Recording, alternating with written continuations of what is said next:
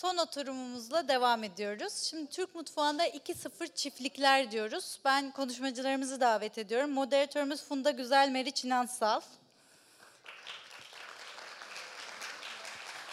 Arzu Girgin, Mehmet Girgin. Armağan Portakal. Oğulcan Atay. Duygu Özerson Elektar. Keyifli dinlemeler. Ee, herkese e, bu uzun süreçte katılım gösterdiği e, ve bizle birlikte olduğu için öncelikle çok teşekkür ederim. Ben Funda İnansal, e, restoran haftasını düzenleyen Dut Table Gastronomi Ajansı'nın kurucusuyum. Aslında bu seansa kalanlar en şanslıları çünkü en ilham verici, verici seansta sizle birlikte oluyoruz. Ee, panelistlerimizin hepsi e, kendi hayatlarında herkese ilham kaynağı olacak müthiş bir e, serüvenin çıktısı olan bir e, işle uğraşıyorlar diyeyim. 2-0 çiftlikler niye bir panel konusu oldu? Aslında biz 2-0'dan kastımız çiftlik konusunda da genel olarak yeni düşünce anlayışıyla, yeni bakışla, bütünleşik düşünce anlayışıyla geleceğin işini yapan ve size de ilham kaynağı olan üretim tarafındaki çiftçimiz, Zeytin Ormanı kurucusu gibi isimleri bir araya getirip e, sizlere de umarım hem keyifli bir 45 dakika, bir saat geçirtip hem de ilham kaynağı olan konuları konuşacağız. Şimdi çok e, çok keyifli ve aynı zamanda da heyecan verici bir cümleyle yola çıkan bir çiftimiz var. Arzu Mehmet Girgin. Mehmet Bey demiş ki ve Arzu Hanım demiş ki dünyanın en iyi nar ekşisini hazırlayacağız. Üreti, narını üreteceğiz arkasından da en iyi nar ekşisini yapacağız. Tabii çok iddialı bir laf ama arkasında da müthiş bir emek var. Mehmet Bey dördüncü kuşak çiftçi. Arzu Hanım da beyaz yakalılıktan üretim aşkıyla diğer tarafa geçmiş ve artık o da bir çiftçi. Epeyce de uzun zamandır bir çiftçi. Punika dünyanın en iyi nar ekşisi mi olma yolunda mı? Bu büyük serüvende neler yaşadınız sizden dinleyelim. E, teşekkür ederiz öncelikle. En iyi nar ekşisi olma ilkesiyle çalışıyor öyle diyeyim. E, şu anda da bizim için en iyi nar ekşisi. Bizim için de. Bizim için de. çok teşekkür ederiz. Süpersiniz. Sağ çok teşekkür ederiz. Daha ne olsun. Çok teşekkür ederiz. Ee, bizim bu e, nar ekşisi 2.0 burada adını öyle koyduk ama ailedeki kod adı işte dünyanın en iyi nar ekşisi. Bu hikayemiz nasıl başladı? Ona bir küçük girizgah yapıp sonra Mehmet'e vereyim sözü. Ee, 2009 yılıydı, bundan 10 yıl önce. Mehmet e, ziraat mühendisi olarak gıda sektöründe, ben de e, iletişimci olarak halkla ilişkiler alanında kurumsal hayatlarda çalışıyorduk zaten. E, Mehmet ailesinin dördüncü kuşak çiftçisi olarak Harran Ovası'ndaki topraklara geri dönme ve çiftçi olma kararı aldı. Çok sık gidip geliyordu. Bir gün oradan bana telefon açtı. Dedi ki, e, orada pamuk, mısır, buğday ürete gelirlerdi. E, ben dedi burada bir nar bahçesi yapacağım. E, bir meyve bahçesi kuracağım, nar bahçesi yapacağım ama narları meyve olarak satmayacağım. Dünyanın en iyi nar ekşisini yapacağım. Sen de dünyaya tanıtacaksın, ne dersin? Tabii dedim ben ama dürüstçe söylemek gerekirse biraz böyle müstesni bir gülümsemeyle. Çünkü herhalde o sırada daha havalı şeylerin tanıtımını yapıyordum. Biraz burun büktüm açıkçası. Ee, ama o üretim heyecanına gerçekten kayıtsız kalamadım. Ee, o andan itibaren ben de en iyi üretmek ve bunu en iyi şekilde sunmak, dünya standartlarında sunabilmek için hedefler koydum kendime. Bunu hayal ederken kendimi buldum.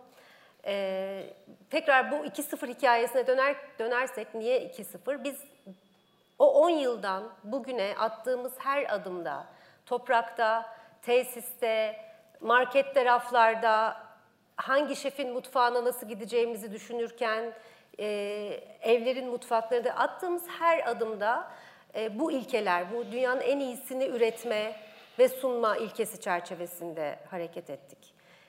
E, ilk 7 yılımız bir markamız olmaksızın, bir satışımız olmaksızın, bir ticari faaliyetimiz olmaksızın sadece argesiyle ilgili geçti. E, ne yaptık? Aromayı en çok nasıl alabiliriz nardan? Narı nasıl hissettirebiliriz nar ekşisinde fazla fazla? Ee, en sağlıklı nar ekşisini nasıl üretebiliriz? Bunun üzerine çalıştık.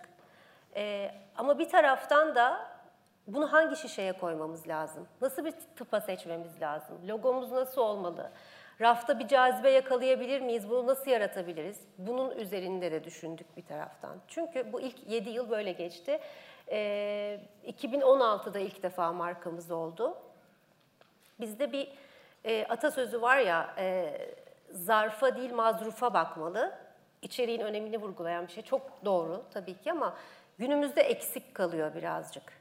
E, mazruf da, zarfın içindeki de, e, zarf da birbirlerini belli etmeliler. Yani zarf e, ürünün içindekini, ürünün niteliğini bize anlatacak özelliklerde olmalı. Dolayısıyla biz bunu nasıl sunacağımız üzerine de çok çalıştık. Burası benim kısmım olduğu için ben bunları e, uzun uzun anlatıyorum.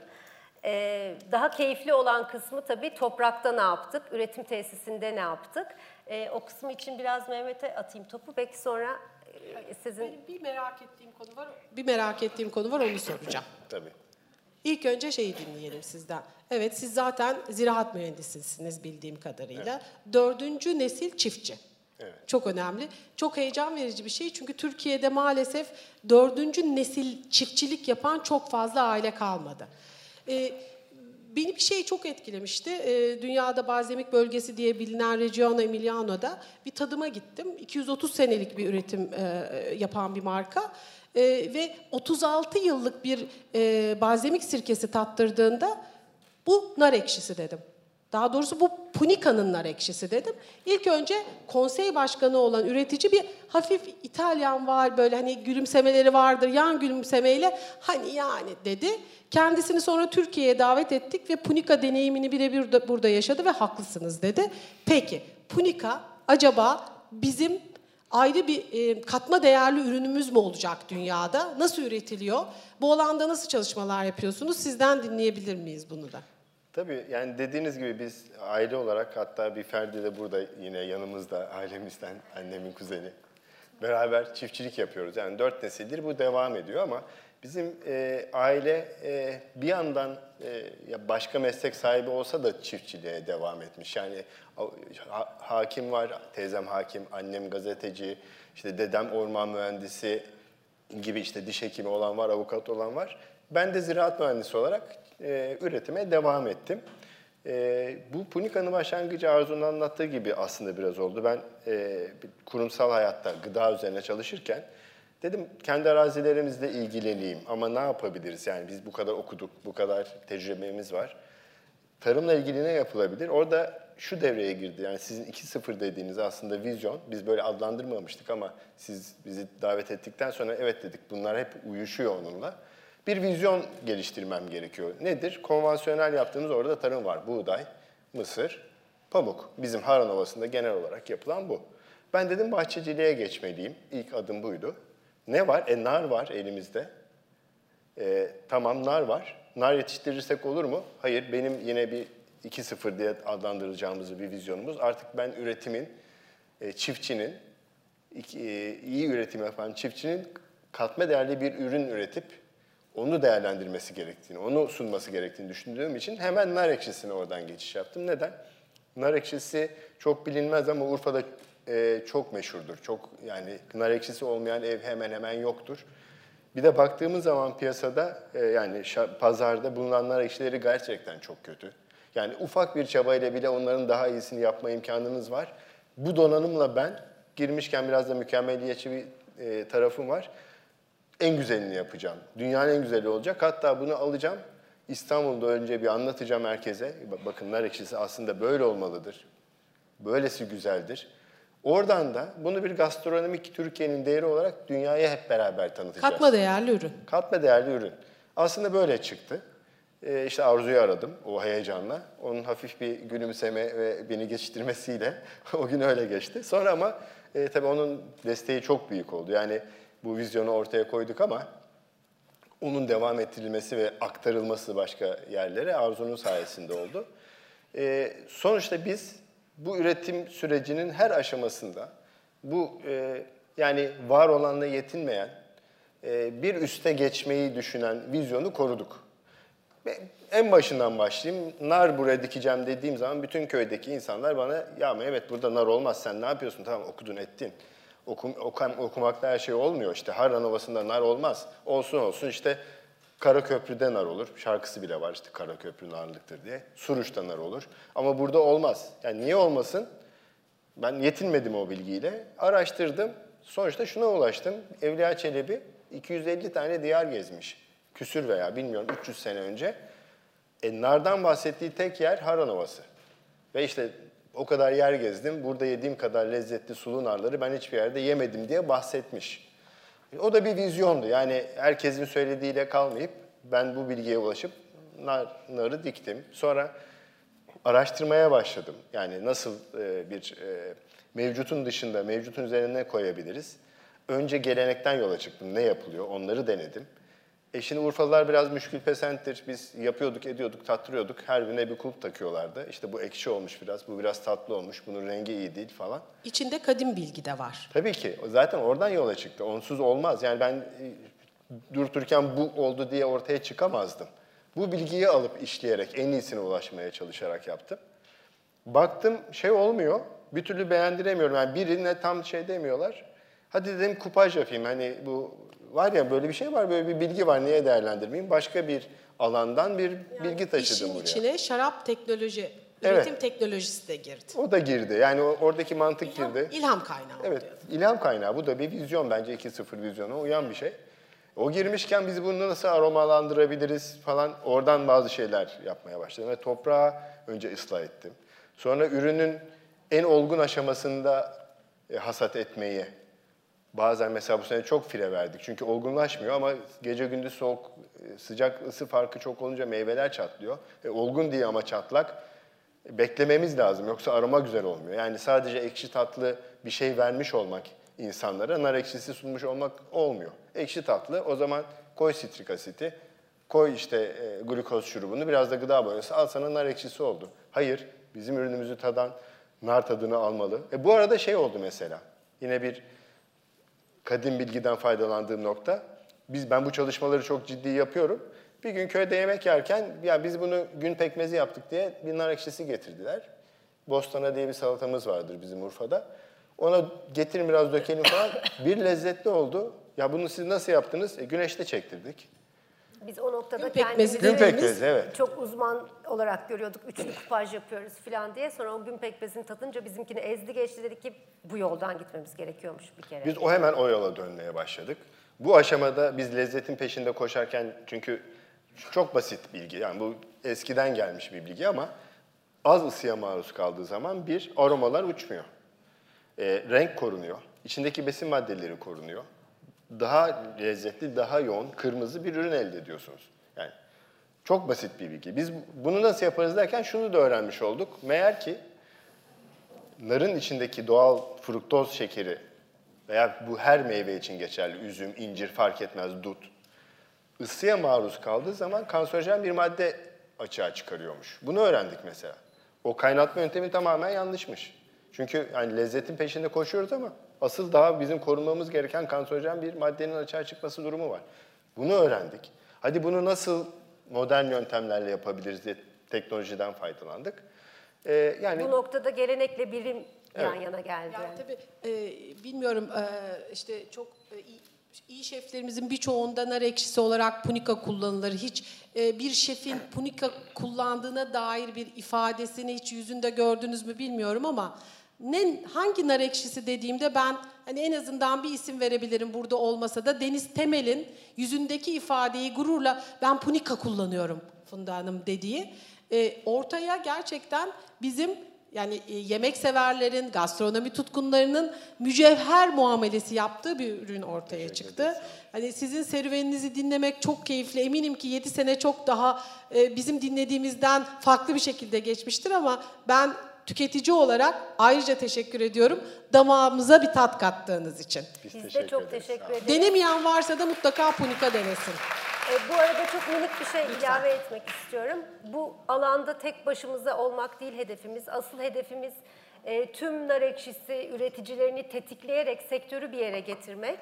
E, çünkü ancak böyle kendimizi biz de daha rahat ifade edeceğiz. E, nar ekşisinin e, hala geldiği nokta işte içinde glikoz şurubu mu var yoksa sadece nardan mı yapılıyor olmamalı. Nasıl zeytinyağında ama biz içine ayçiçek yağı katmıyoruz bir değer değilse e, nar ekşisini sadece nardan yapmak da değil, e, çok daha iyi yerlere bütün üreticilerle birlikte gelmemiz Umarım gerekiyor. tüm üreticilere de ilham kaynağı olur.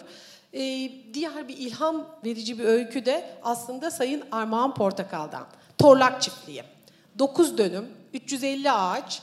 Evet burayı aldık ama böyle üretmeden bırakmamalıyız. Ne yapalım derken şehirden Seferihisar'a diğer bir göç hikayesi. Onu da bütünleşik bakış açısıyla 2-0 çiftlik neden dediğimizi size en iyi şekilde anlatacak bu bakış açısıyla neler yaptığını anlatacak Armağan Hanım. Teşekkür ederim. Ee, hepinizin de ayağına sağlık. Çok sağ olun. Ee, burada olmak gerçekten harika bir şey. Ee, ben de beyaz yakalıydım açıkçası. Ee, hatta e, beyaz yakalı olmaktan da istifa etmiş, freelance kendime bir iş kurmuş. Hobileriyle de bolca zaman geçiren, İstanbul'da yaşayan, hatta yazları da rüzgar sörfü eğitmenliği yapan, böyle başka hayatlarla koşturan bir tiptim. Eşim 2014 yılında ya bizim küçük bir parça toprağımız olsun. Seferihisar'la da 22 yıldır hani gelip gidiyoruz Sığacak'a. Ya oralardan bir bakalım dediğinde de hiç ilgilenmedim. Hiç ilgimi çekmedi. Arazilere baktılar, gittiler, geldiler. Hiç ilgilenmedim. En son satış gerçekleşti. Tapu bizim üstümüze geçti. Ee, ve o zaman eşimle beraber araziye gittik. Araziye gittiğimiz zaman zeytin ağaçlarını gördüm. Arazi aslında bir zeytinlikti. O zeytin ağaçlarını gördükten sonra e, ve bir fizibilite, bir öngörü, bir bir şey olmadan açıkçası biraz sadece yürekten bir hareketle dedik ki biz burayı yılın belli zamanlarında işte anahtar aç, kapa, enerjisi düşen bir yazlık ev, böyle havuzlu bir villaya çevirmeyelim. E, biz burayı üreten bir yer yapalım mı? Yapalım. Yani ilk ben benim de e, birlikte arazi görmeye gittiğimiz zaman verdiğimiz bir kararla yola çıktık ve birbirimize bir söz verdik. 2014 yılıydı e, araziye aldığımızda. İsmini Torlak koyduk. Sebebi şuydu. Torlak genç, acemi ama güçlü, kuvvetli demek. Yani ben 45 yaşından sonra çiftçiliğe soyulmuş bir kadın olarak e, kökten gelen, siz çok şanslısınız, kökten gelen bilgi yok. Sadece anneannemin zeytinlikleri vardı ve yılda işte bir bize zeytin ve zeytinyağı gelirdi. Köklerimizdeki bilgi bu kadardı. Ee, dolayısıyla 45 yaşından sonra böyle bir şeye cesaret etmiştik. Ee, İstanbul'daki ben bütün hayatımı, o freelance çalışmalarımı, hobilerimi bir süre dondurdum. Ve burada bu çiftliği kurmak, üreten bir yere dönüştürmek için de hakikaten seferber olduk. İsmini Torlak koyduk. Dedem an, e, annemi Torlağım diye severmiş çocukken. Kelimeyi buradan biliyorduk. Çok hoşumuza gitti çünkü bizi yansıttığını düşündük. Dediğim gibi 45'inden 46'sından sonra böyle bir işe soyunduğumuz için. İki yıl boyunca e, e, sosyal medya hesaplarını, web domainini her şeyi aldık, cebimize koyduk ama toprak çok enteresan bir şey. Bir kere sadakat istiyor, ikincisi çok sabır istiyor, üçüncüsü de insan akıllarıyla çalışmanı hani gerçekten seni törpülüyor. Benim için müthiş kişisel e, gelişimdir e, Tohrlak çiftliğindeki hikayemiz.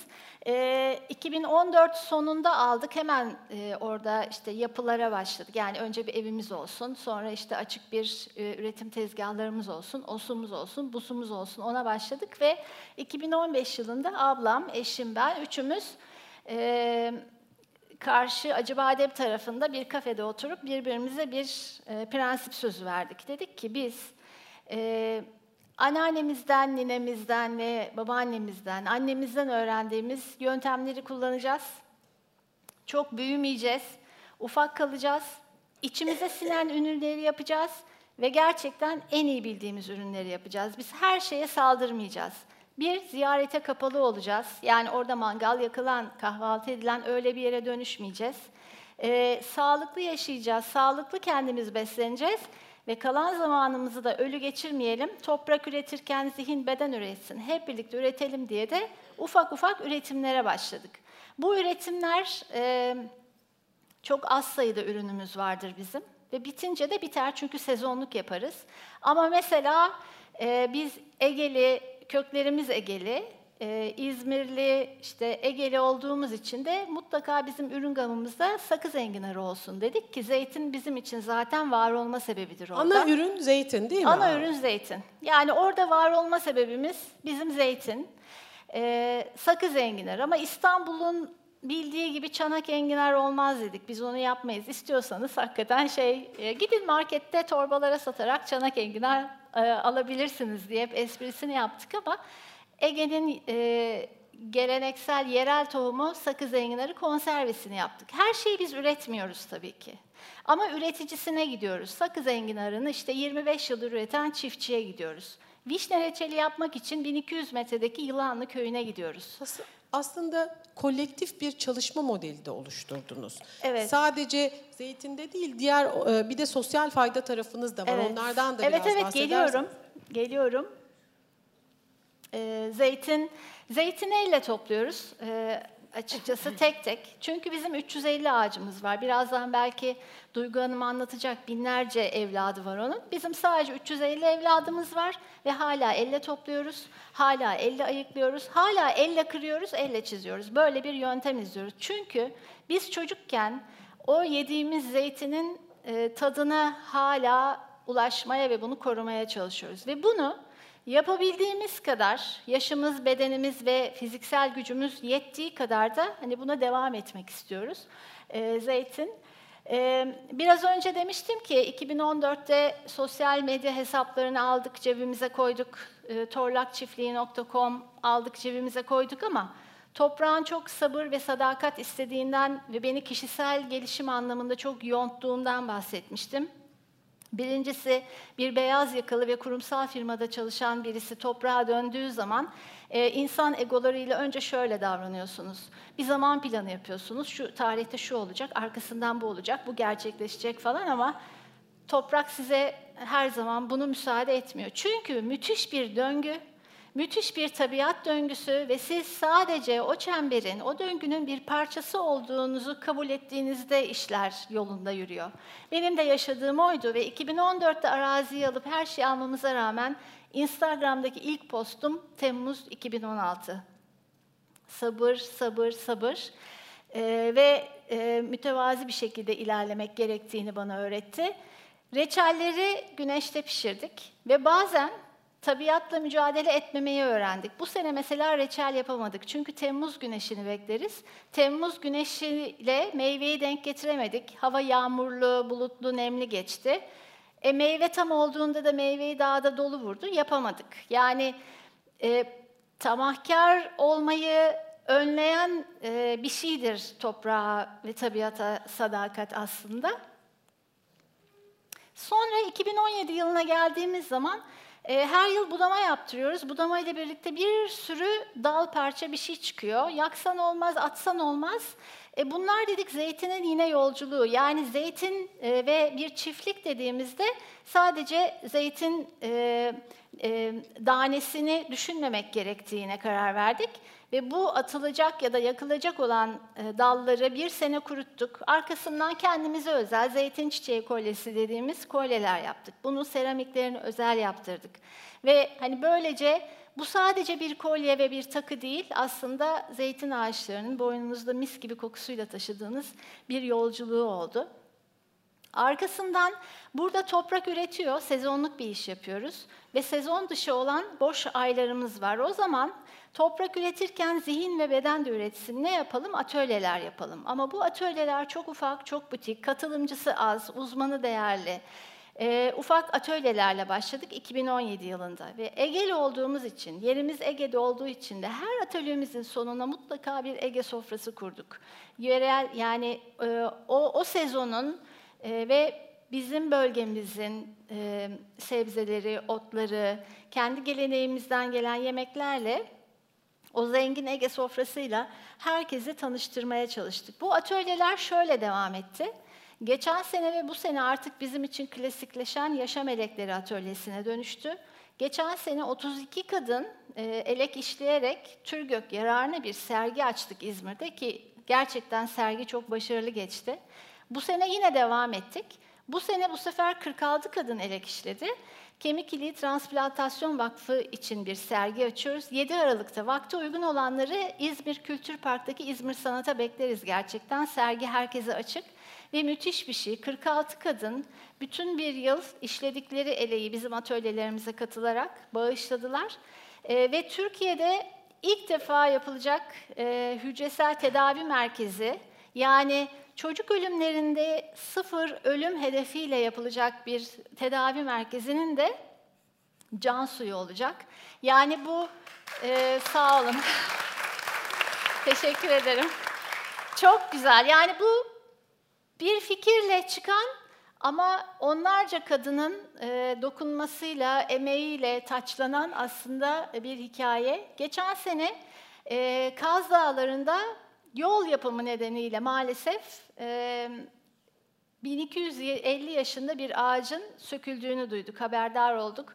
Yani ben ona fundan satın aldık diyemiyorum, çok ezici bir şey ama maalesef hani öyle oldu. Ve biz onu toprağımıza getirdik, 13 Kasım'da diktik. Kocaman 4-5 tonluk kökü ve filizi olmayan bir kütleydi. Tutar mı tutmaz mı, tutar mı tutmaz mı? Bahar geldi ve gerçekten filizlendi. Bize şunu anlattı, eksik olmayın, bu İDA'nın şey. başarısı. İsmini İDA koyduk. Böyle olunca e, bizi şöyle e, heveslendirdi. Biz toprakla uğraşıyoruz ve toprağın bir ritmi var. Dedim ya yani bütünün bir parçası olduğunuzda işler yolunda gidiyor. Kadim bir zanaat olan seramik de aynı şekilde ki Duygu Hanımlar da yapıyorlar ve çok değerli. E, ve seramik son zamanlarda sadece promosyonel bir malzeme gibi I Love İstanbul, I Love Bodrum, I Love Ayvalık kupalarına döndü. Halbuki çok kadim bir zanaat ve kendi ritmi var. Dört haftanın sonunda fırını açtığınızda belki de hepsini çöp yapabildiğiniz çok enteresan bir zanaat. İDA'nın bütün hikayesini bu iki seramiğe taşıdık. Ee, seramik sanatçısı Denizli'deki bir e, hanım yaptı. Arkasından zeytinin çok temel yani zeytin döngüsünün çok temel altı evresi var. İşte uyanış, bebelenme, çiçeklenme, danelenme, hasat ve tekrar uyku gibi. Onu yine e, seramiklere taşıdık. Yine toprak ilişkisini kaybetmedik. 2019'daki hayalim çünkü özel ürünler, butik e, ürünler, özel tasarımlardı. E, son yaptığımız şey kahveydi ve bu hadi bir kahve yapalım fikriyle ortaya çıkmış bir şey değildi. Çok kadim zamanda zeytin, çoban ve keçi bir üçlüdür. E, ve dünyada kahveyi keşfeden de Etiyopyalı çoban Kaldi'nin keçisidir. Yani ben bir armağan, işte keçinin patikasında ilerleyip kahveye ulaştığımda bir tane bir blendimiz olsun ve bize çok özel bir harman olsun e, fikriyle sadece tek çeşit bir kahvemiz oldu. Ve çok yakında e, İDA'yı 925 ayar gümüş bir şeyle e, taçlandıracağız inşallah. E, bunu şu amaçla koydum. Şimdi e, Facebook sayfamızda e, bir takipçi demiş ki neden çiftlik ürünlerini zenginleştirme değil de başka şeyler satıyorsunuz diye sordu. Ben normalde e, yapmayız biz yani uzun uzun cevap vermeyiz. Artı e, sosyal medyadan satış yapmayız. İlk günden itibaren e, vergi mükellefiyiz. İlk günden itibaren her müşterimize fatura keseriz ve hatta Seferihisar'da bu anlamda maliyeye başvurduğum zaman e, bir ilksiniz. Çünkü ya sadece küçük üreticiler var ya da sadece tüccarlar ve satıcılar var. İkisini birleştiren siz tek örneksiniz. Sizi maliyede bu sınıfa uydurmak için biz biraz çalışacağız dediler. Bu bizim için çok önemli bir şey. Umarım şimdi bunlar artmıştır. Böyle bir soru gelince buna ben ilk defa uzun uzun uzun uzun niyetimi yazdım. Yani biraz önce size anlattığım gibi niye kolye yaptık, o bir kolye değil. Niye seramik yaptık, o sadece bir seramik değil. Niye kahveye gittik, o sadece bir kahve değil. Ve bunları anlattım. Ee, ama sonuçta o beyefendi dedi ki, siz yine de tamam bunlar bir pazarlama ürünüdür. Siz tamam zeytinin yanına turşu da yapın dedi. Şimdi bizim 2-0 çiftliklere bu aslında bu yanıt son derece birebir örtüşüyor. Çünkü 2-0 çiftlikler dediğimiz artık sadece tarım değil. Tarım bu işin çok önemli bir üretim merkezi. Ama diğer fikir, e, zihin ve bunlarla aslında bir zenginlik yaratabilme becerisi. Hani biz buna ufacık bir katkı, bir mütevazi bir katkı yapabildiysek ne mutlu diyorum ve teşekkür ediyorum. Biz teşekkür ederiz. Çok çok teşekkür ederiz. Şimdi e, salonda e, bütün misafirlerimizin E, yaşı böyle 24-45 arası diyeyim. E, son geçirdiğimiz 6 senede, evet öyle dedi, öyle diyeyim, ben öyle diyeyim. E, son geçirdiğimiz 6-7 senede acaba tarıma hiç oyunla dokunan var mı? Ya ben tarım yapamıyorum, elimde toprağa değmiyor ama şöyle oyunlar var. Ben burada bir kendi tarlamı ekeyim, işte enginarımı yetiştireyim, sebzemi yetiştireyim diyen var mı? Merak ettiğimden soruyorum. Farmville çocuklarıyız biz. Şimdi e, aslında ben komşu köyü ilk e, bundan e, 6-7 sene önce çok yakın bir arkadaşım e, bir oyundan bahsettiğinde duydum ama ondan sonra çok büyük bir kopukluk oldu ve ilgimi yani çok ilgimi çekmedi çünkü hala sosyal medya hesabı olmayan biriyim ben. Daha sonra komşu köyün paketlerinden haberdar oldum. Sonra yaptığı iyi tarımdan haberdar oldum. Benim tanımlamamla online ile offline'ı birleştirip aslında e, doğadan kopukluğa çözüm bulma arayıcılığıyla kendisi de yaparken tarımı öğrendiğini söyleyen e, Oğulcan Atay'dan komşu köyün hikayesini dinleyelim.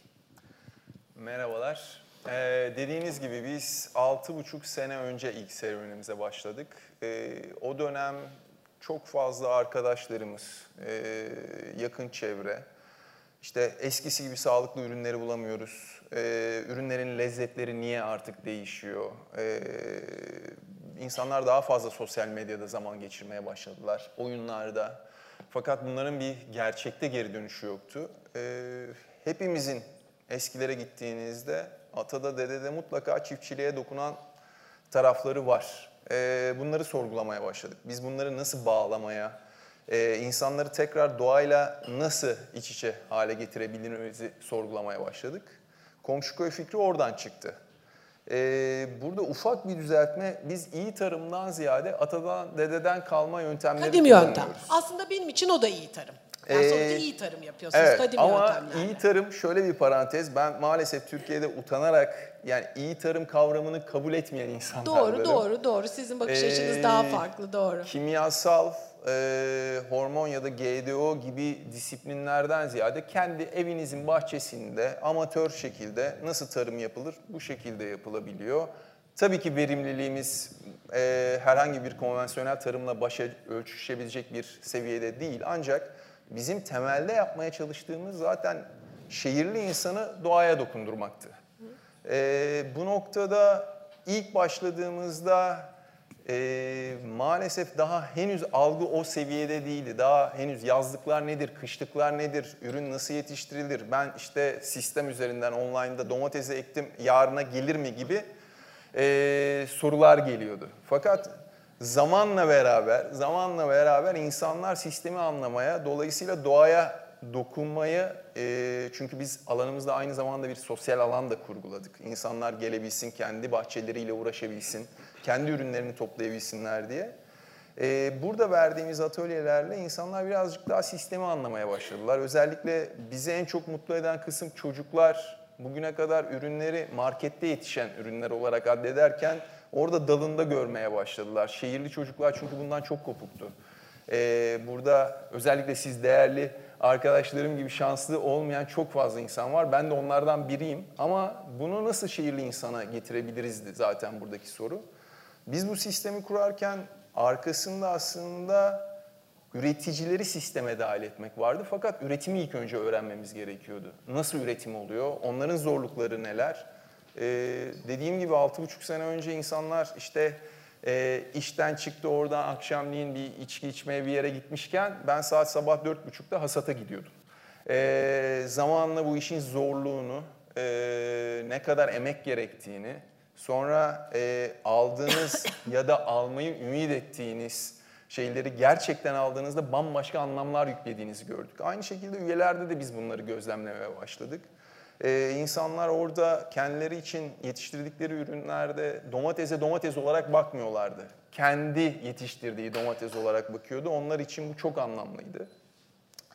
Ee, bu aslında dünyada hani tarım teknolojileri dendiğinde Türkiye e, maalesef konuya çok farklı noktalardan dokunurken ya bakın hani iş modeli olarak da tarım teknolojisinde farklı bir şey yapabilirsiniz. İşte e, Çin'de bir drone firması tarıma dokunmak için 75 milyon dolar harcarken Ee, biz de buradan başka bir noktadan bu olayı ele aldık. İnsanları dahil etmeye çalıştık. Ee, dolayısıyla sistemi biz en başından itibaren hep üyelerimizle büyütmeyi hedefledik. Şu an geldiğimiz noktada e, sistemin içerisinde artık restoranlar, oteller, şefler de var. Biz onların istekleri yönünde de ürünler yetiştiriyoruz.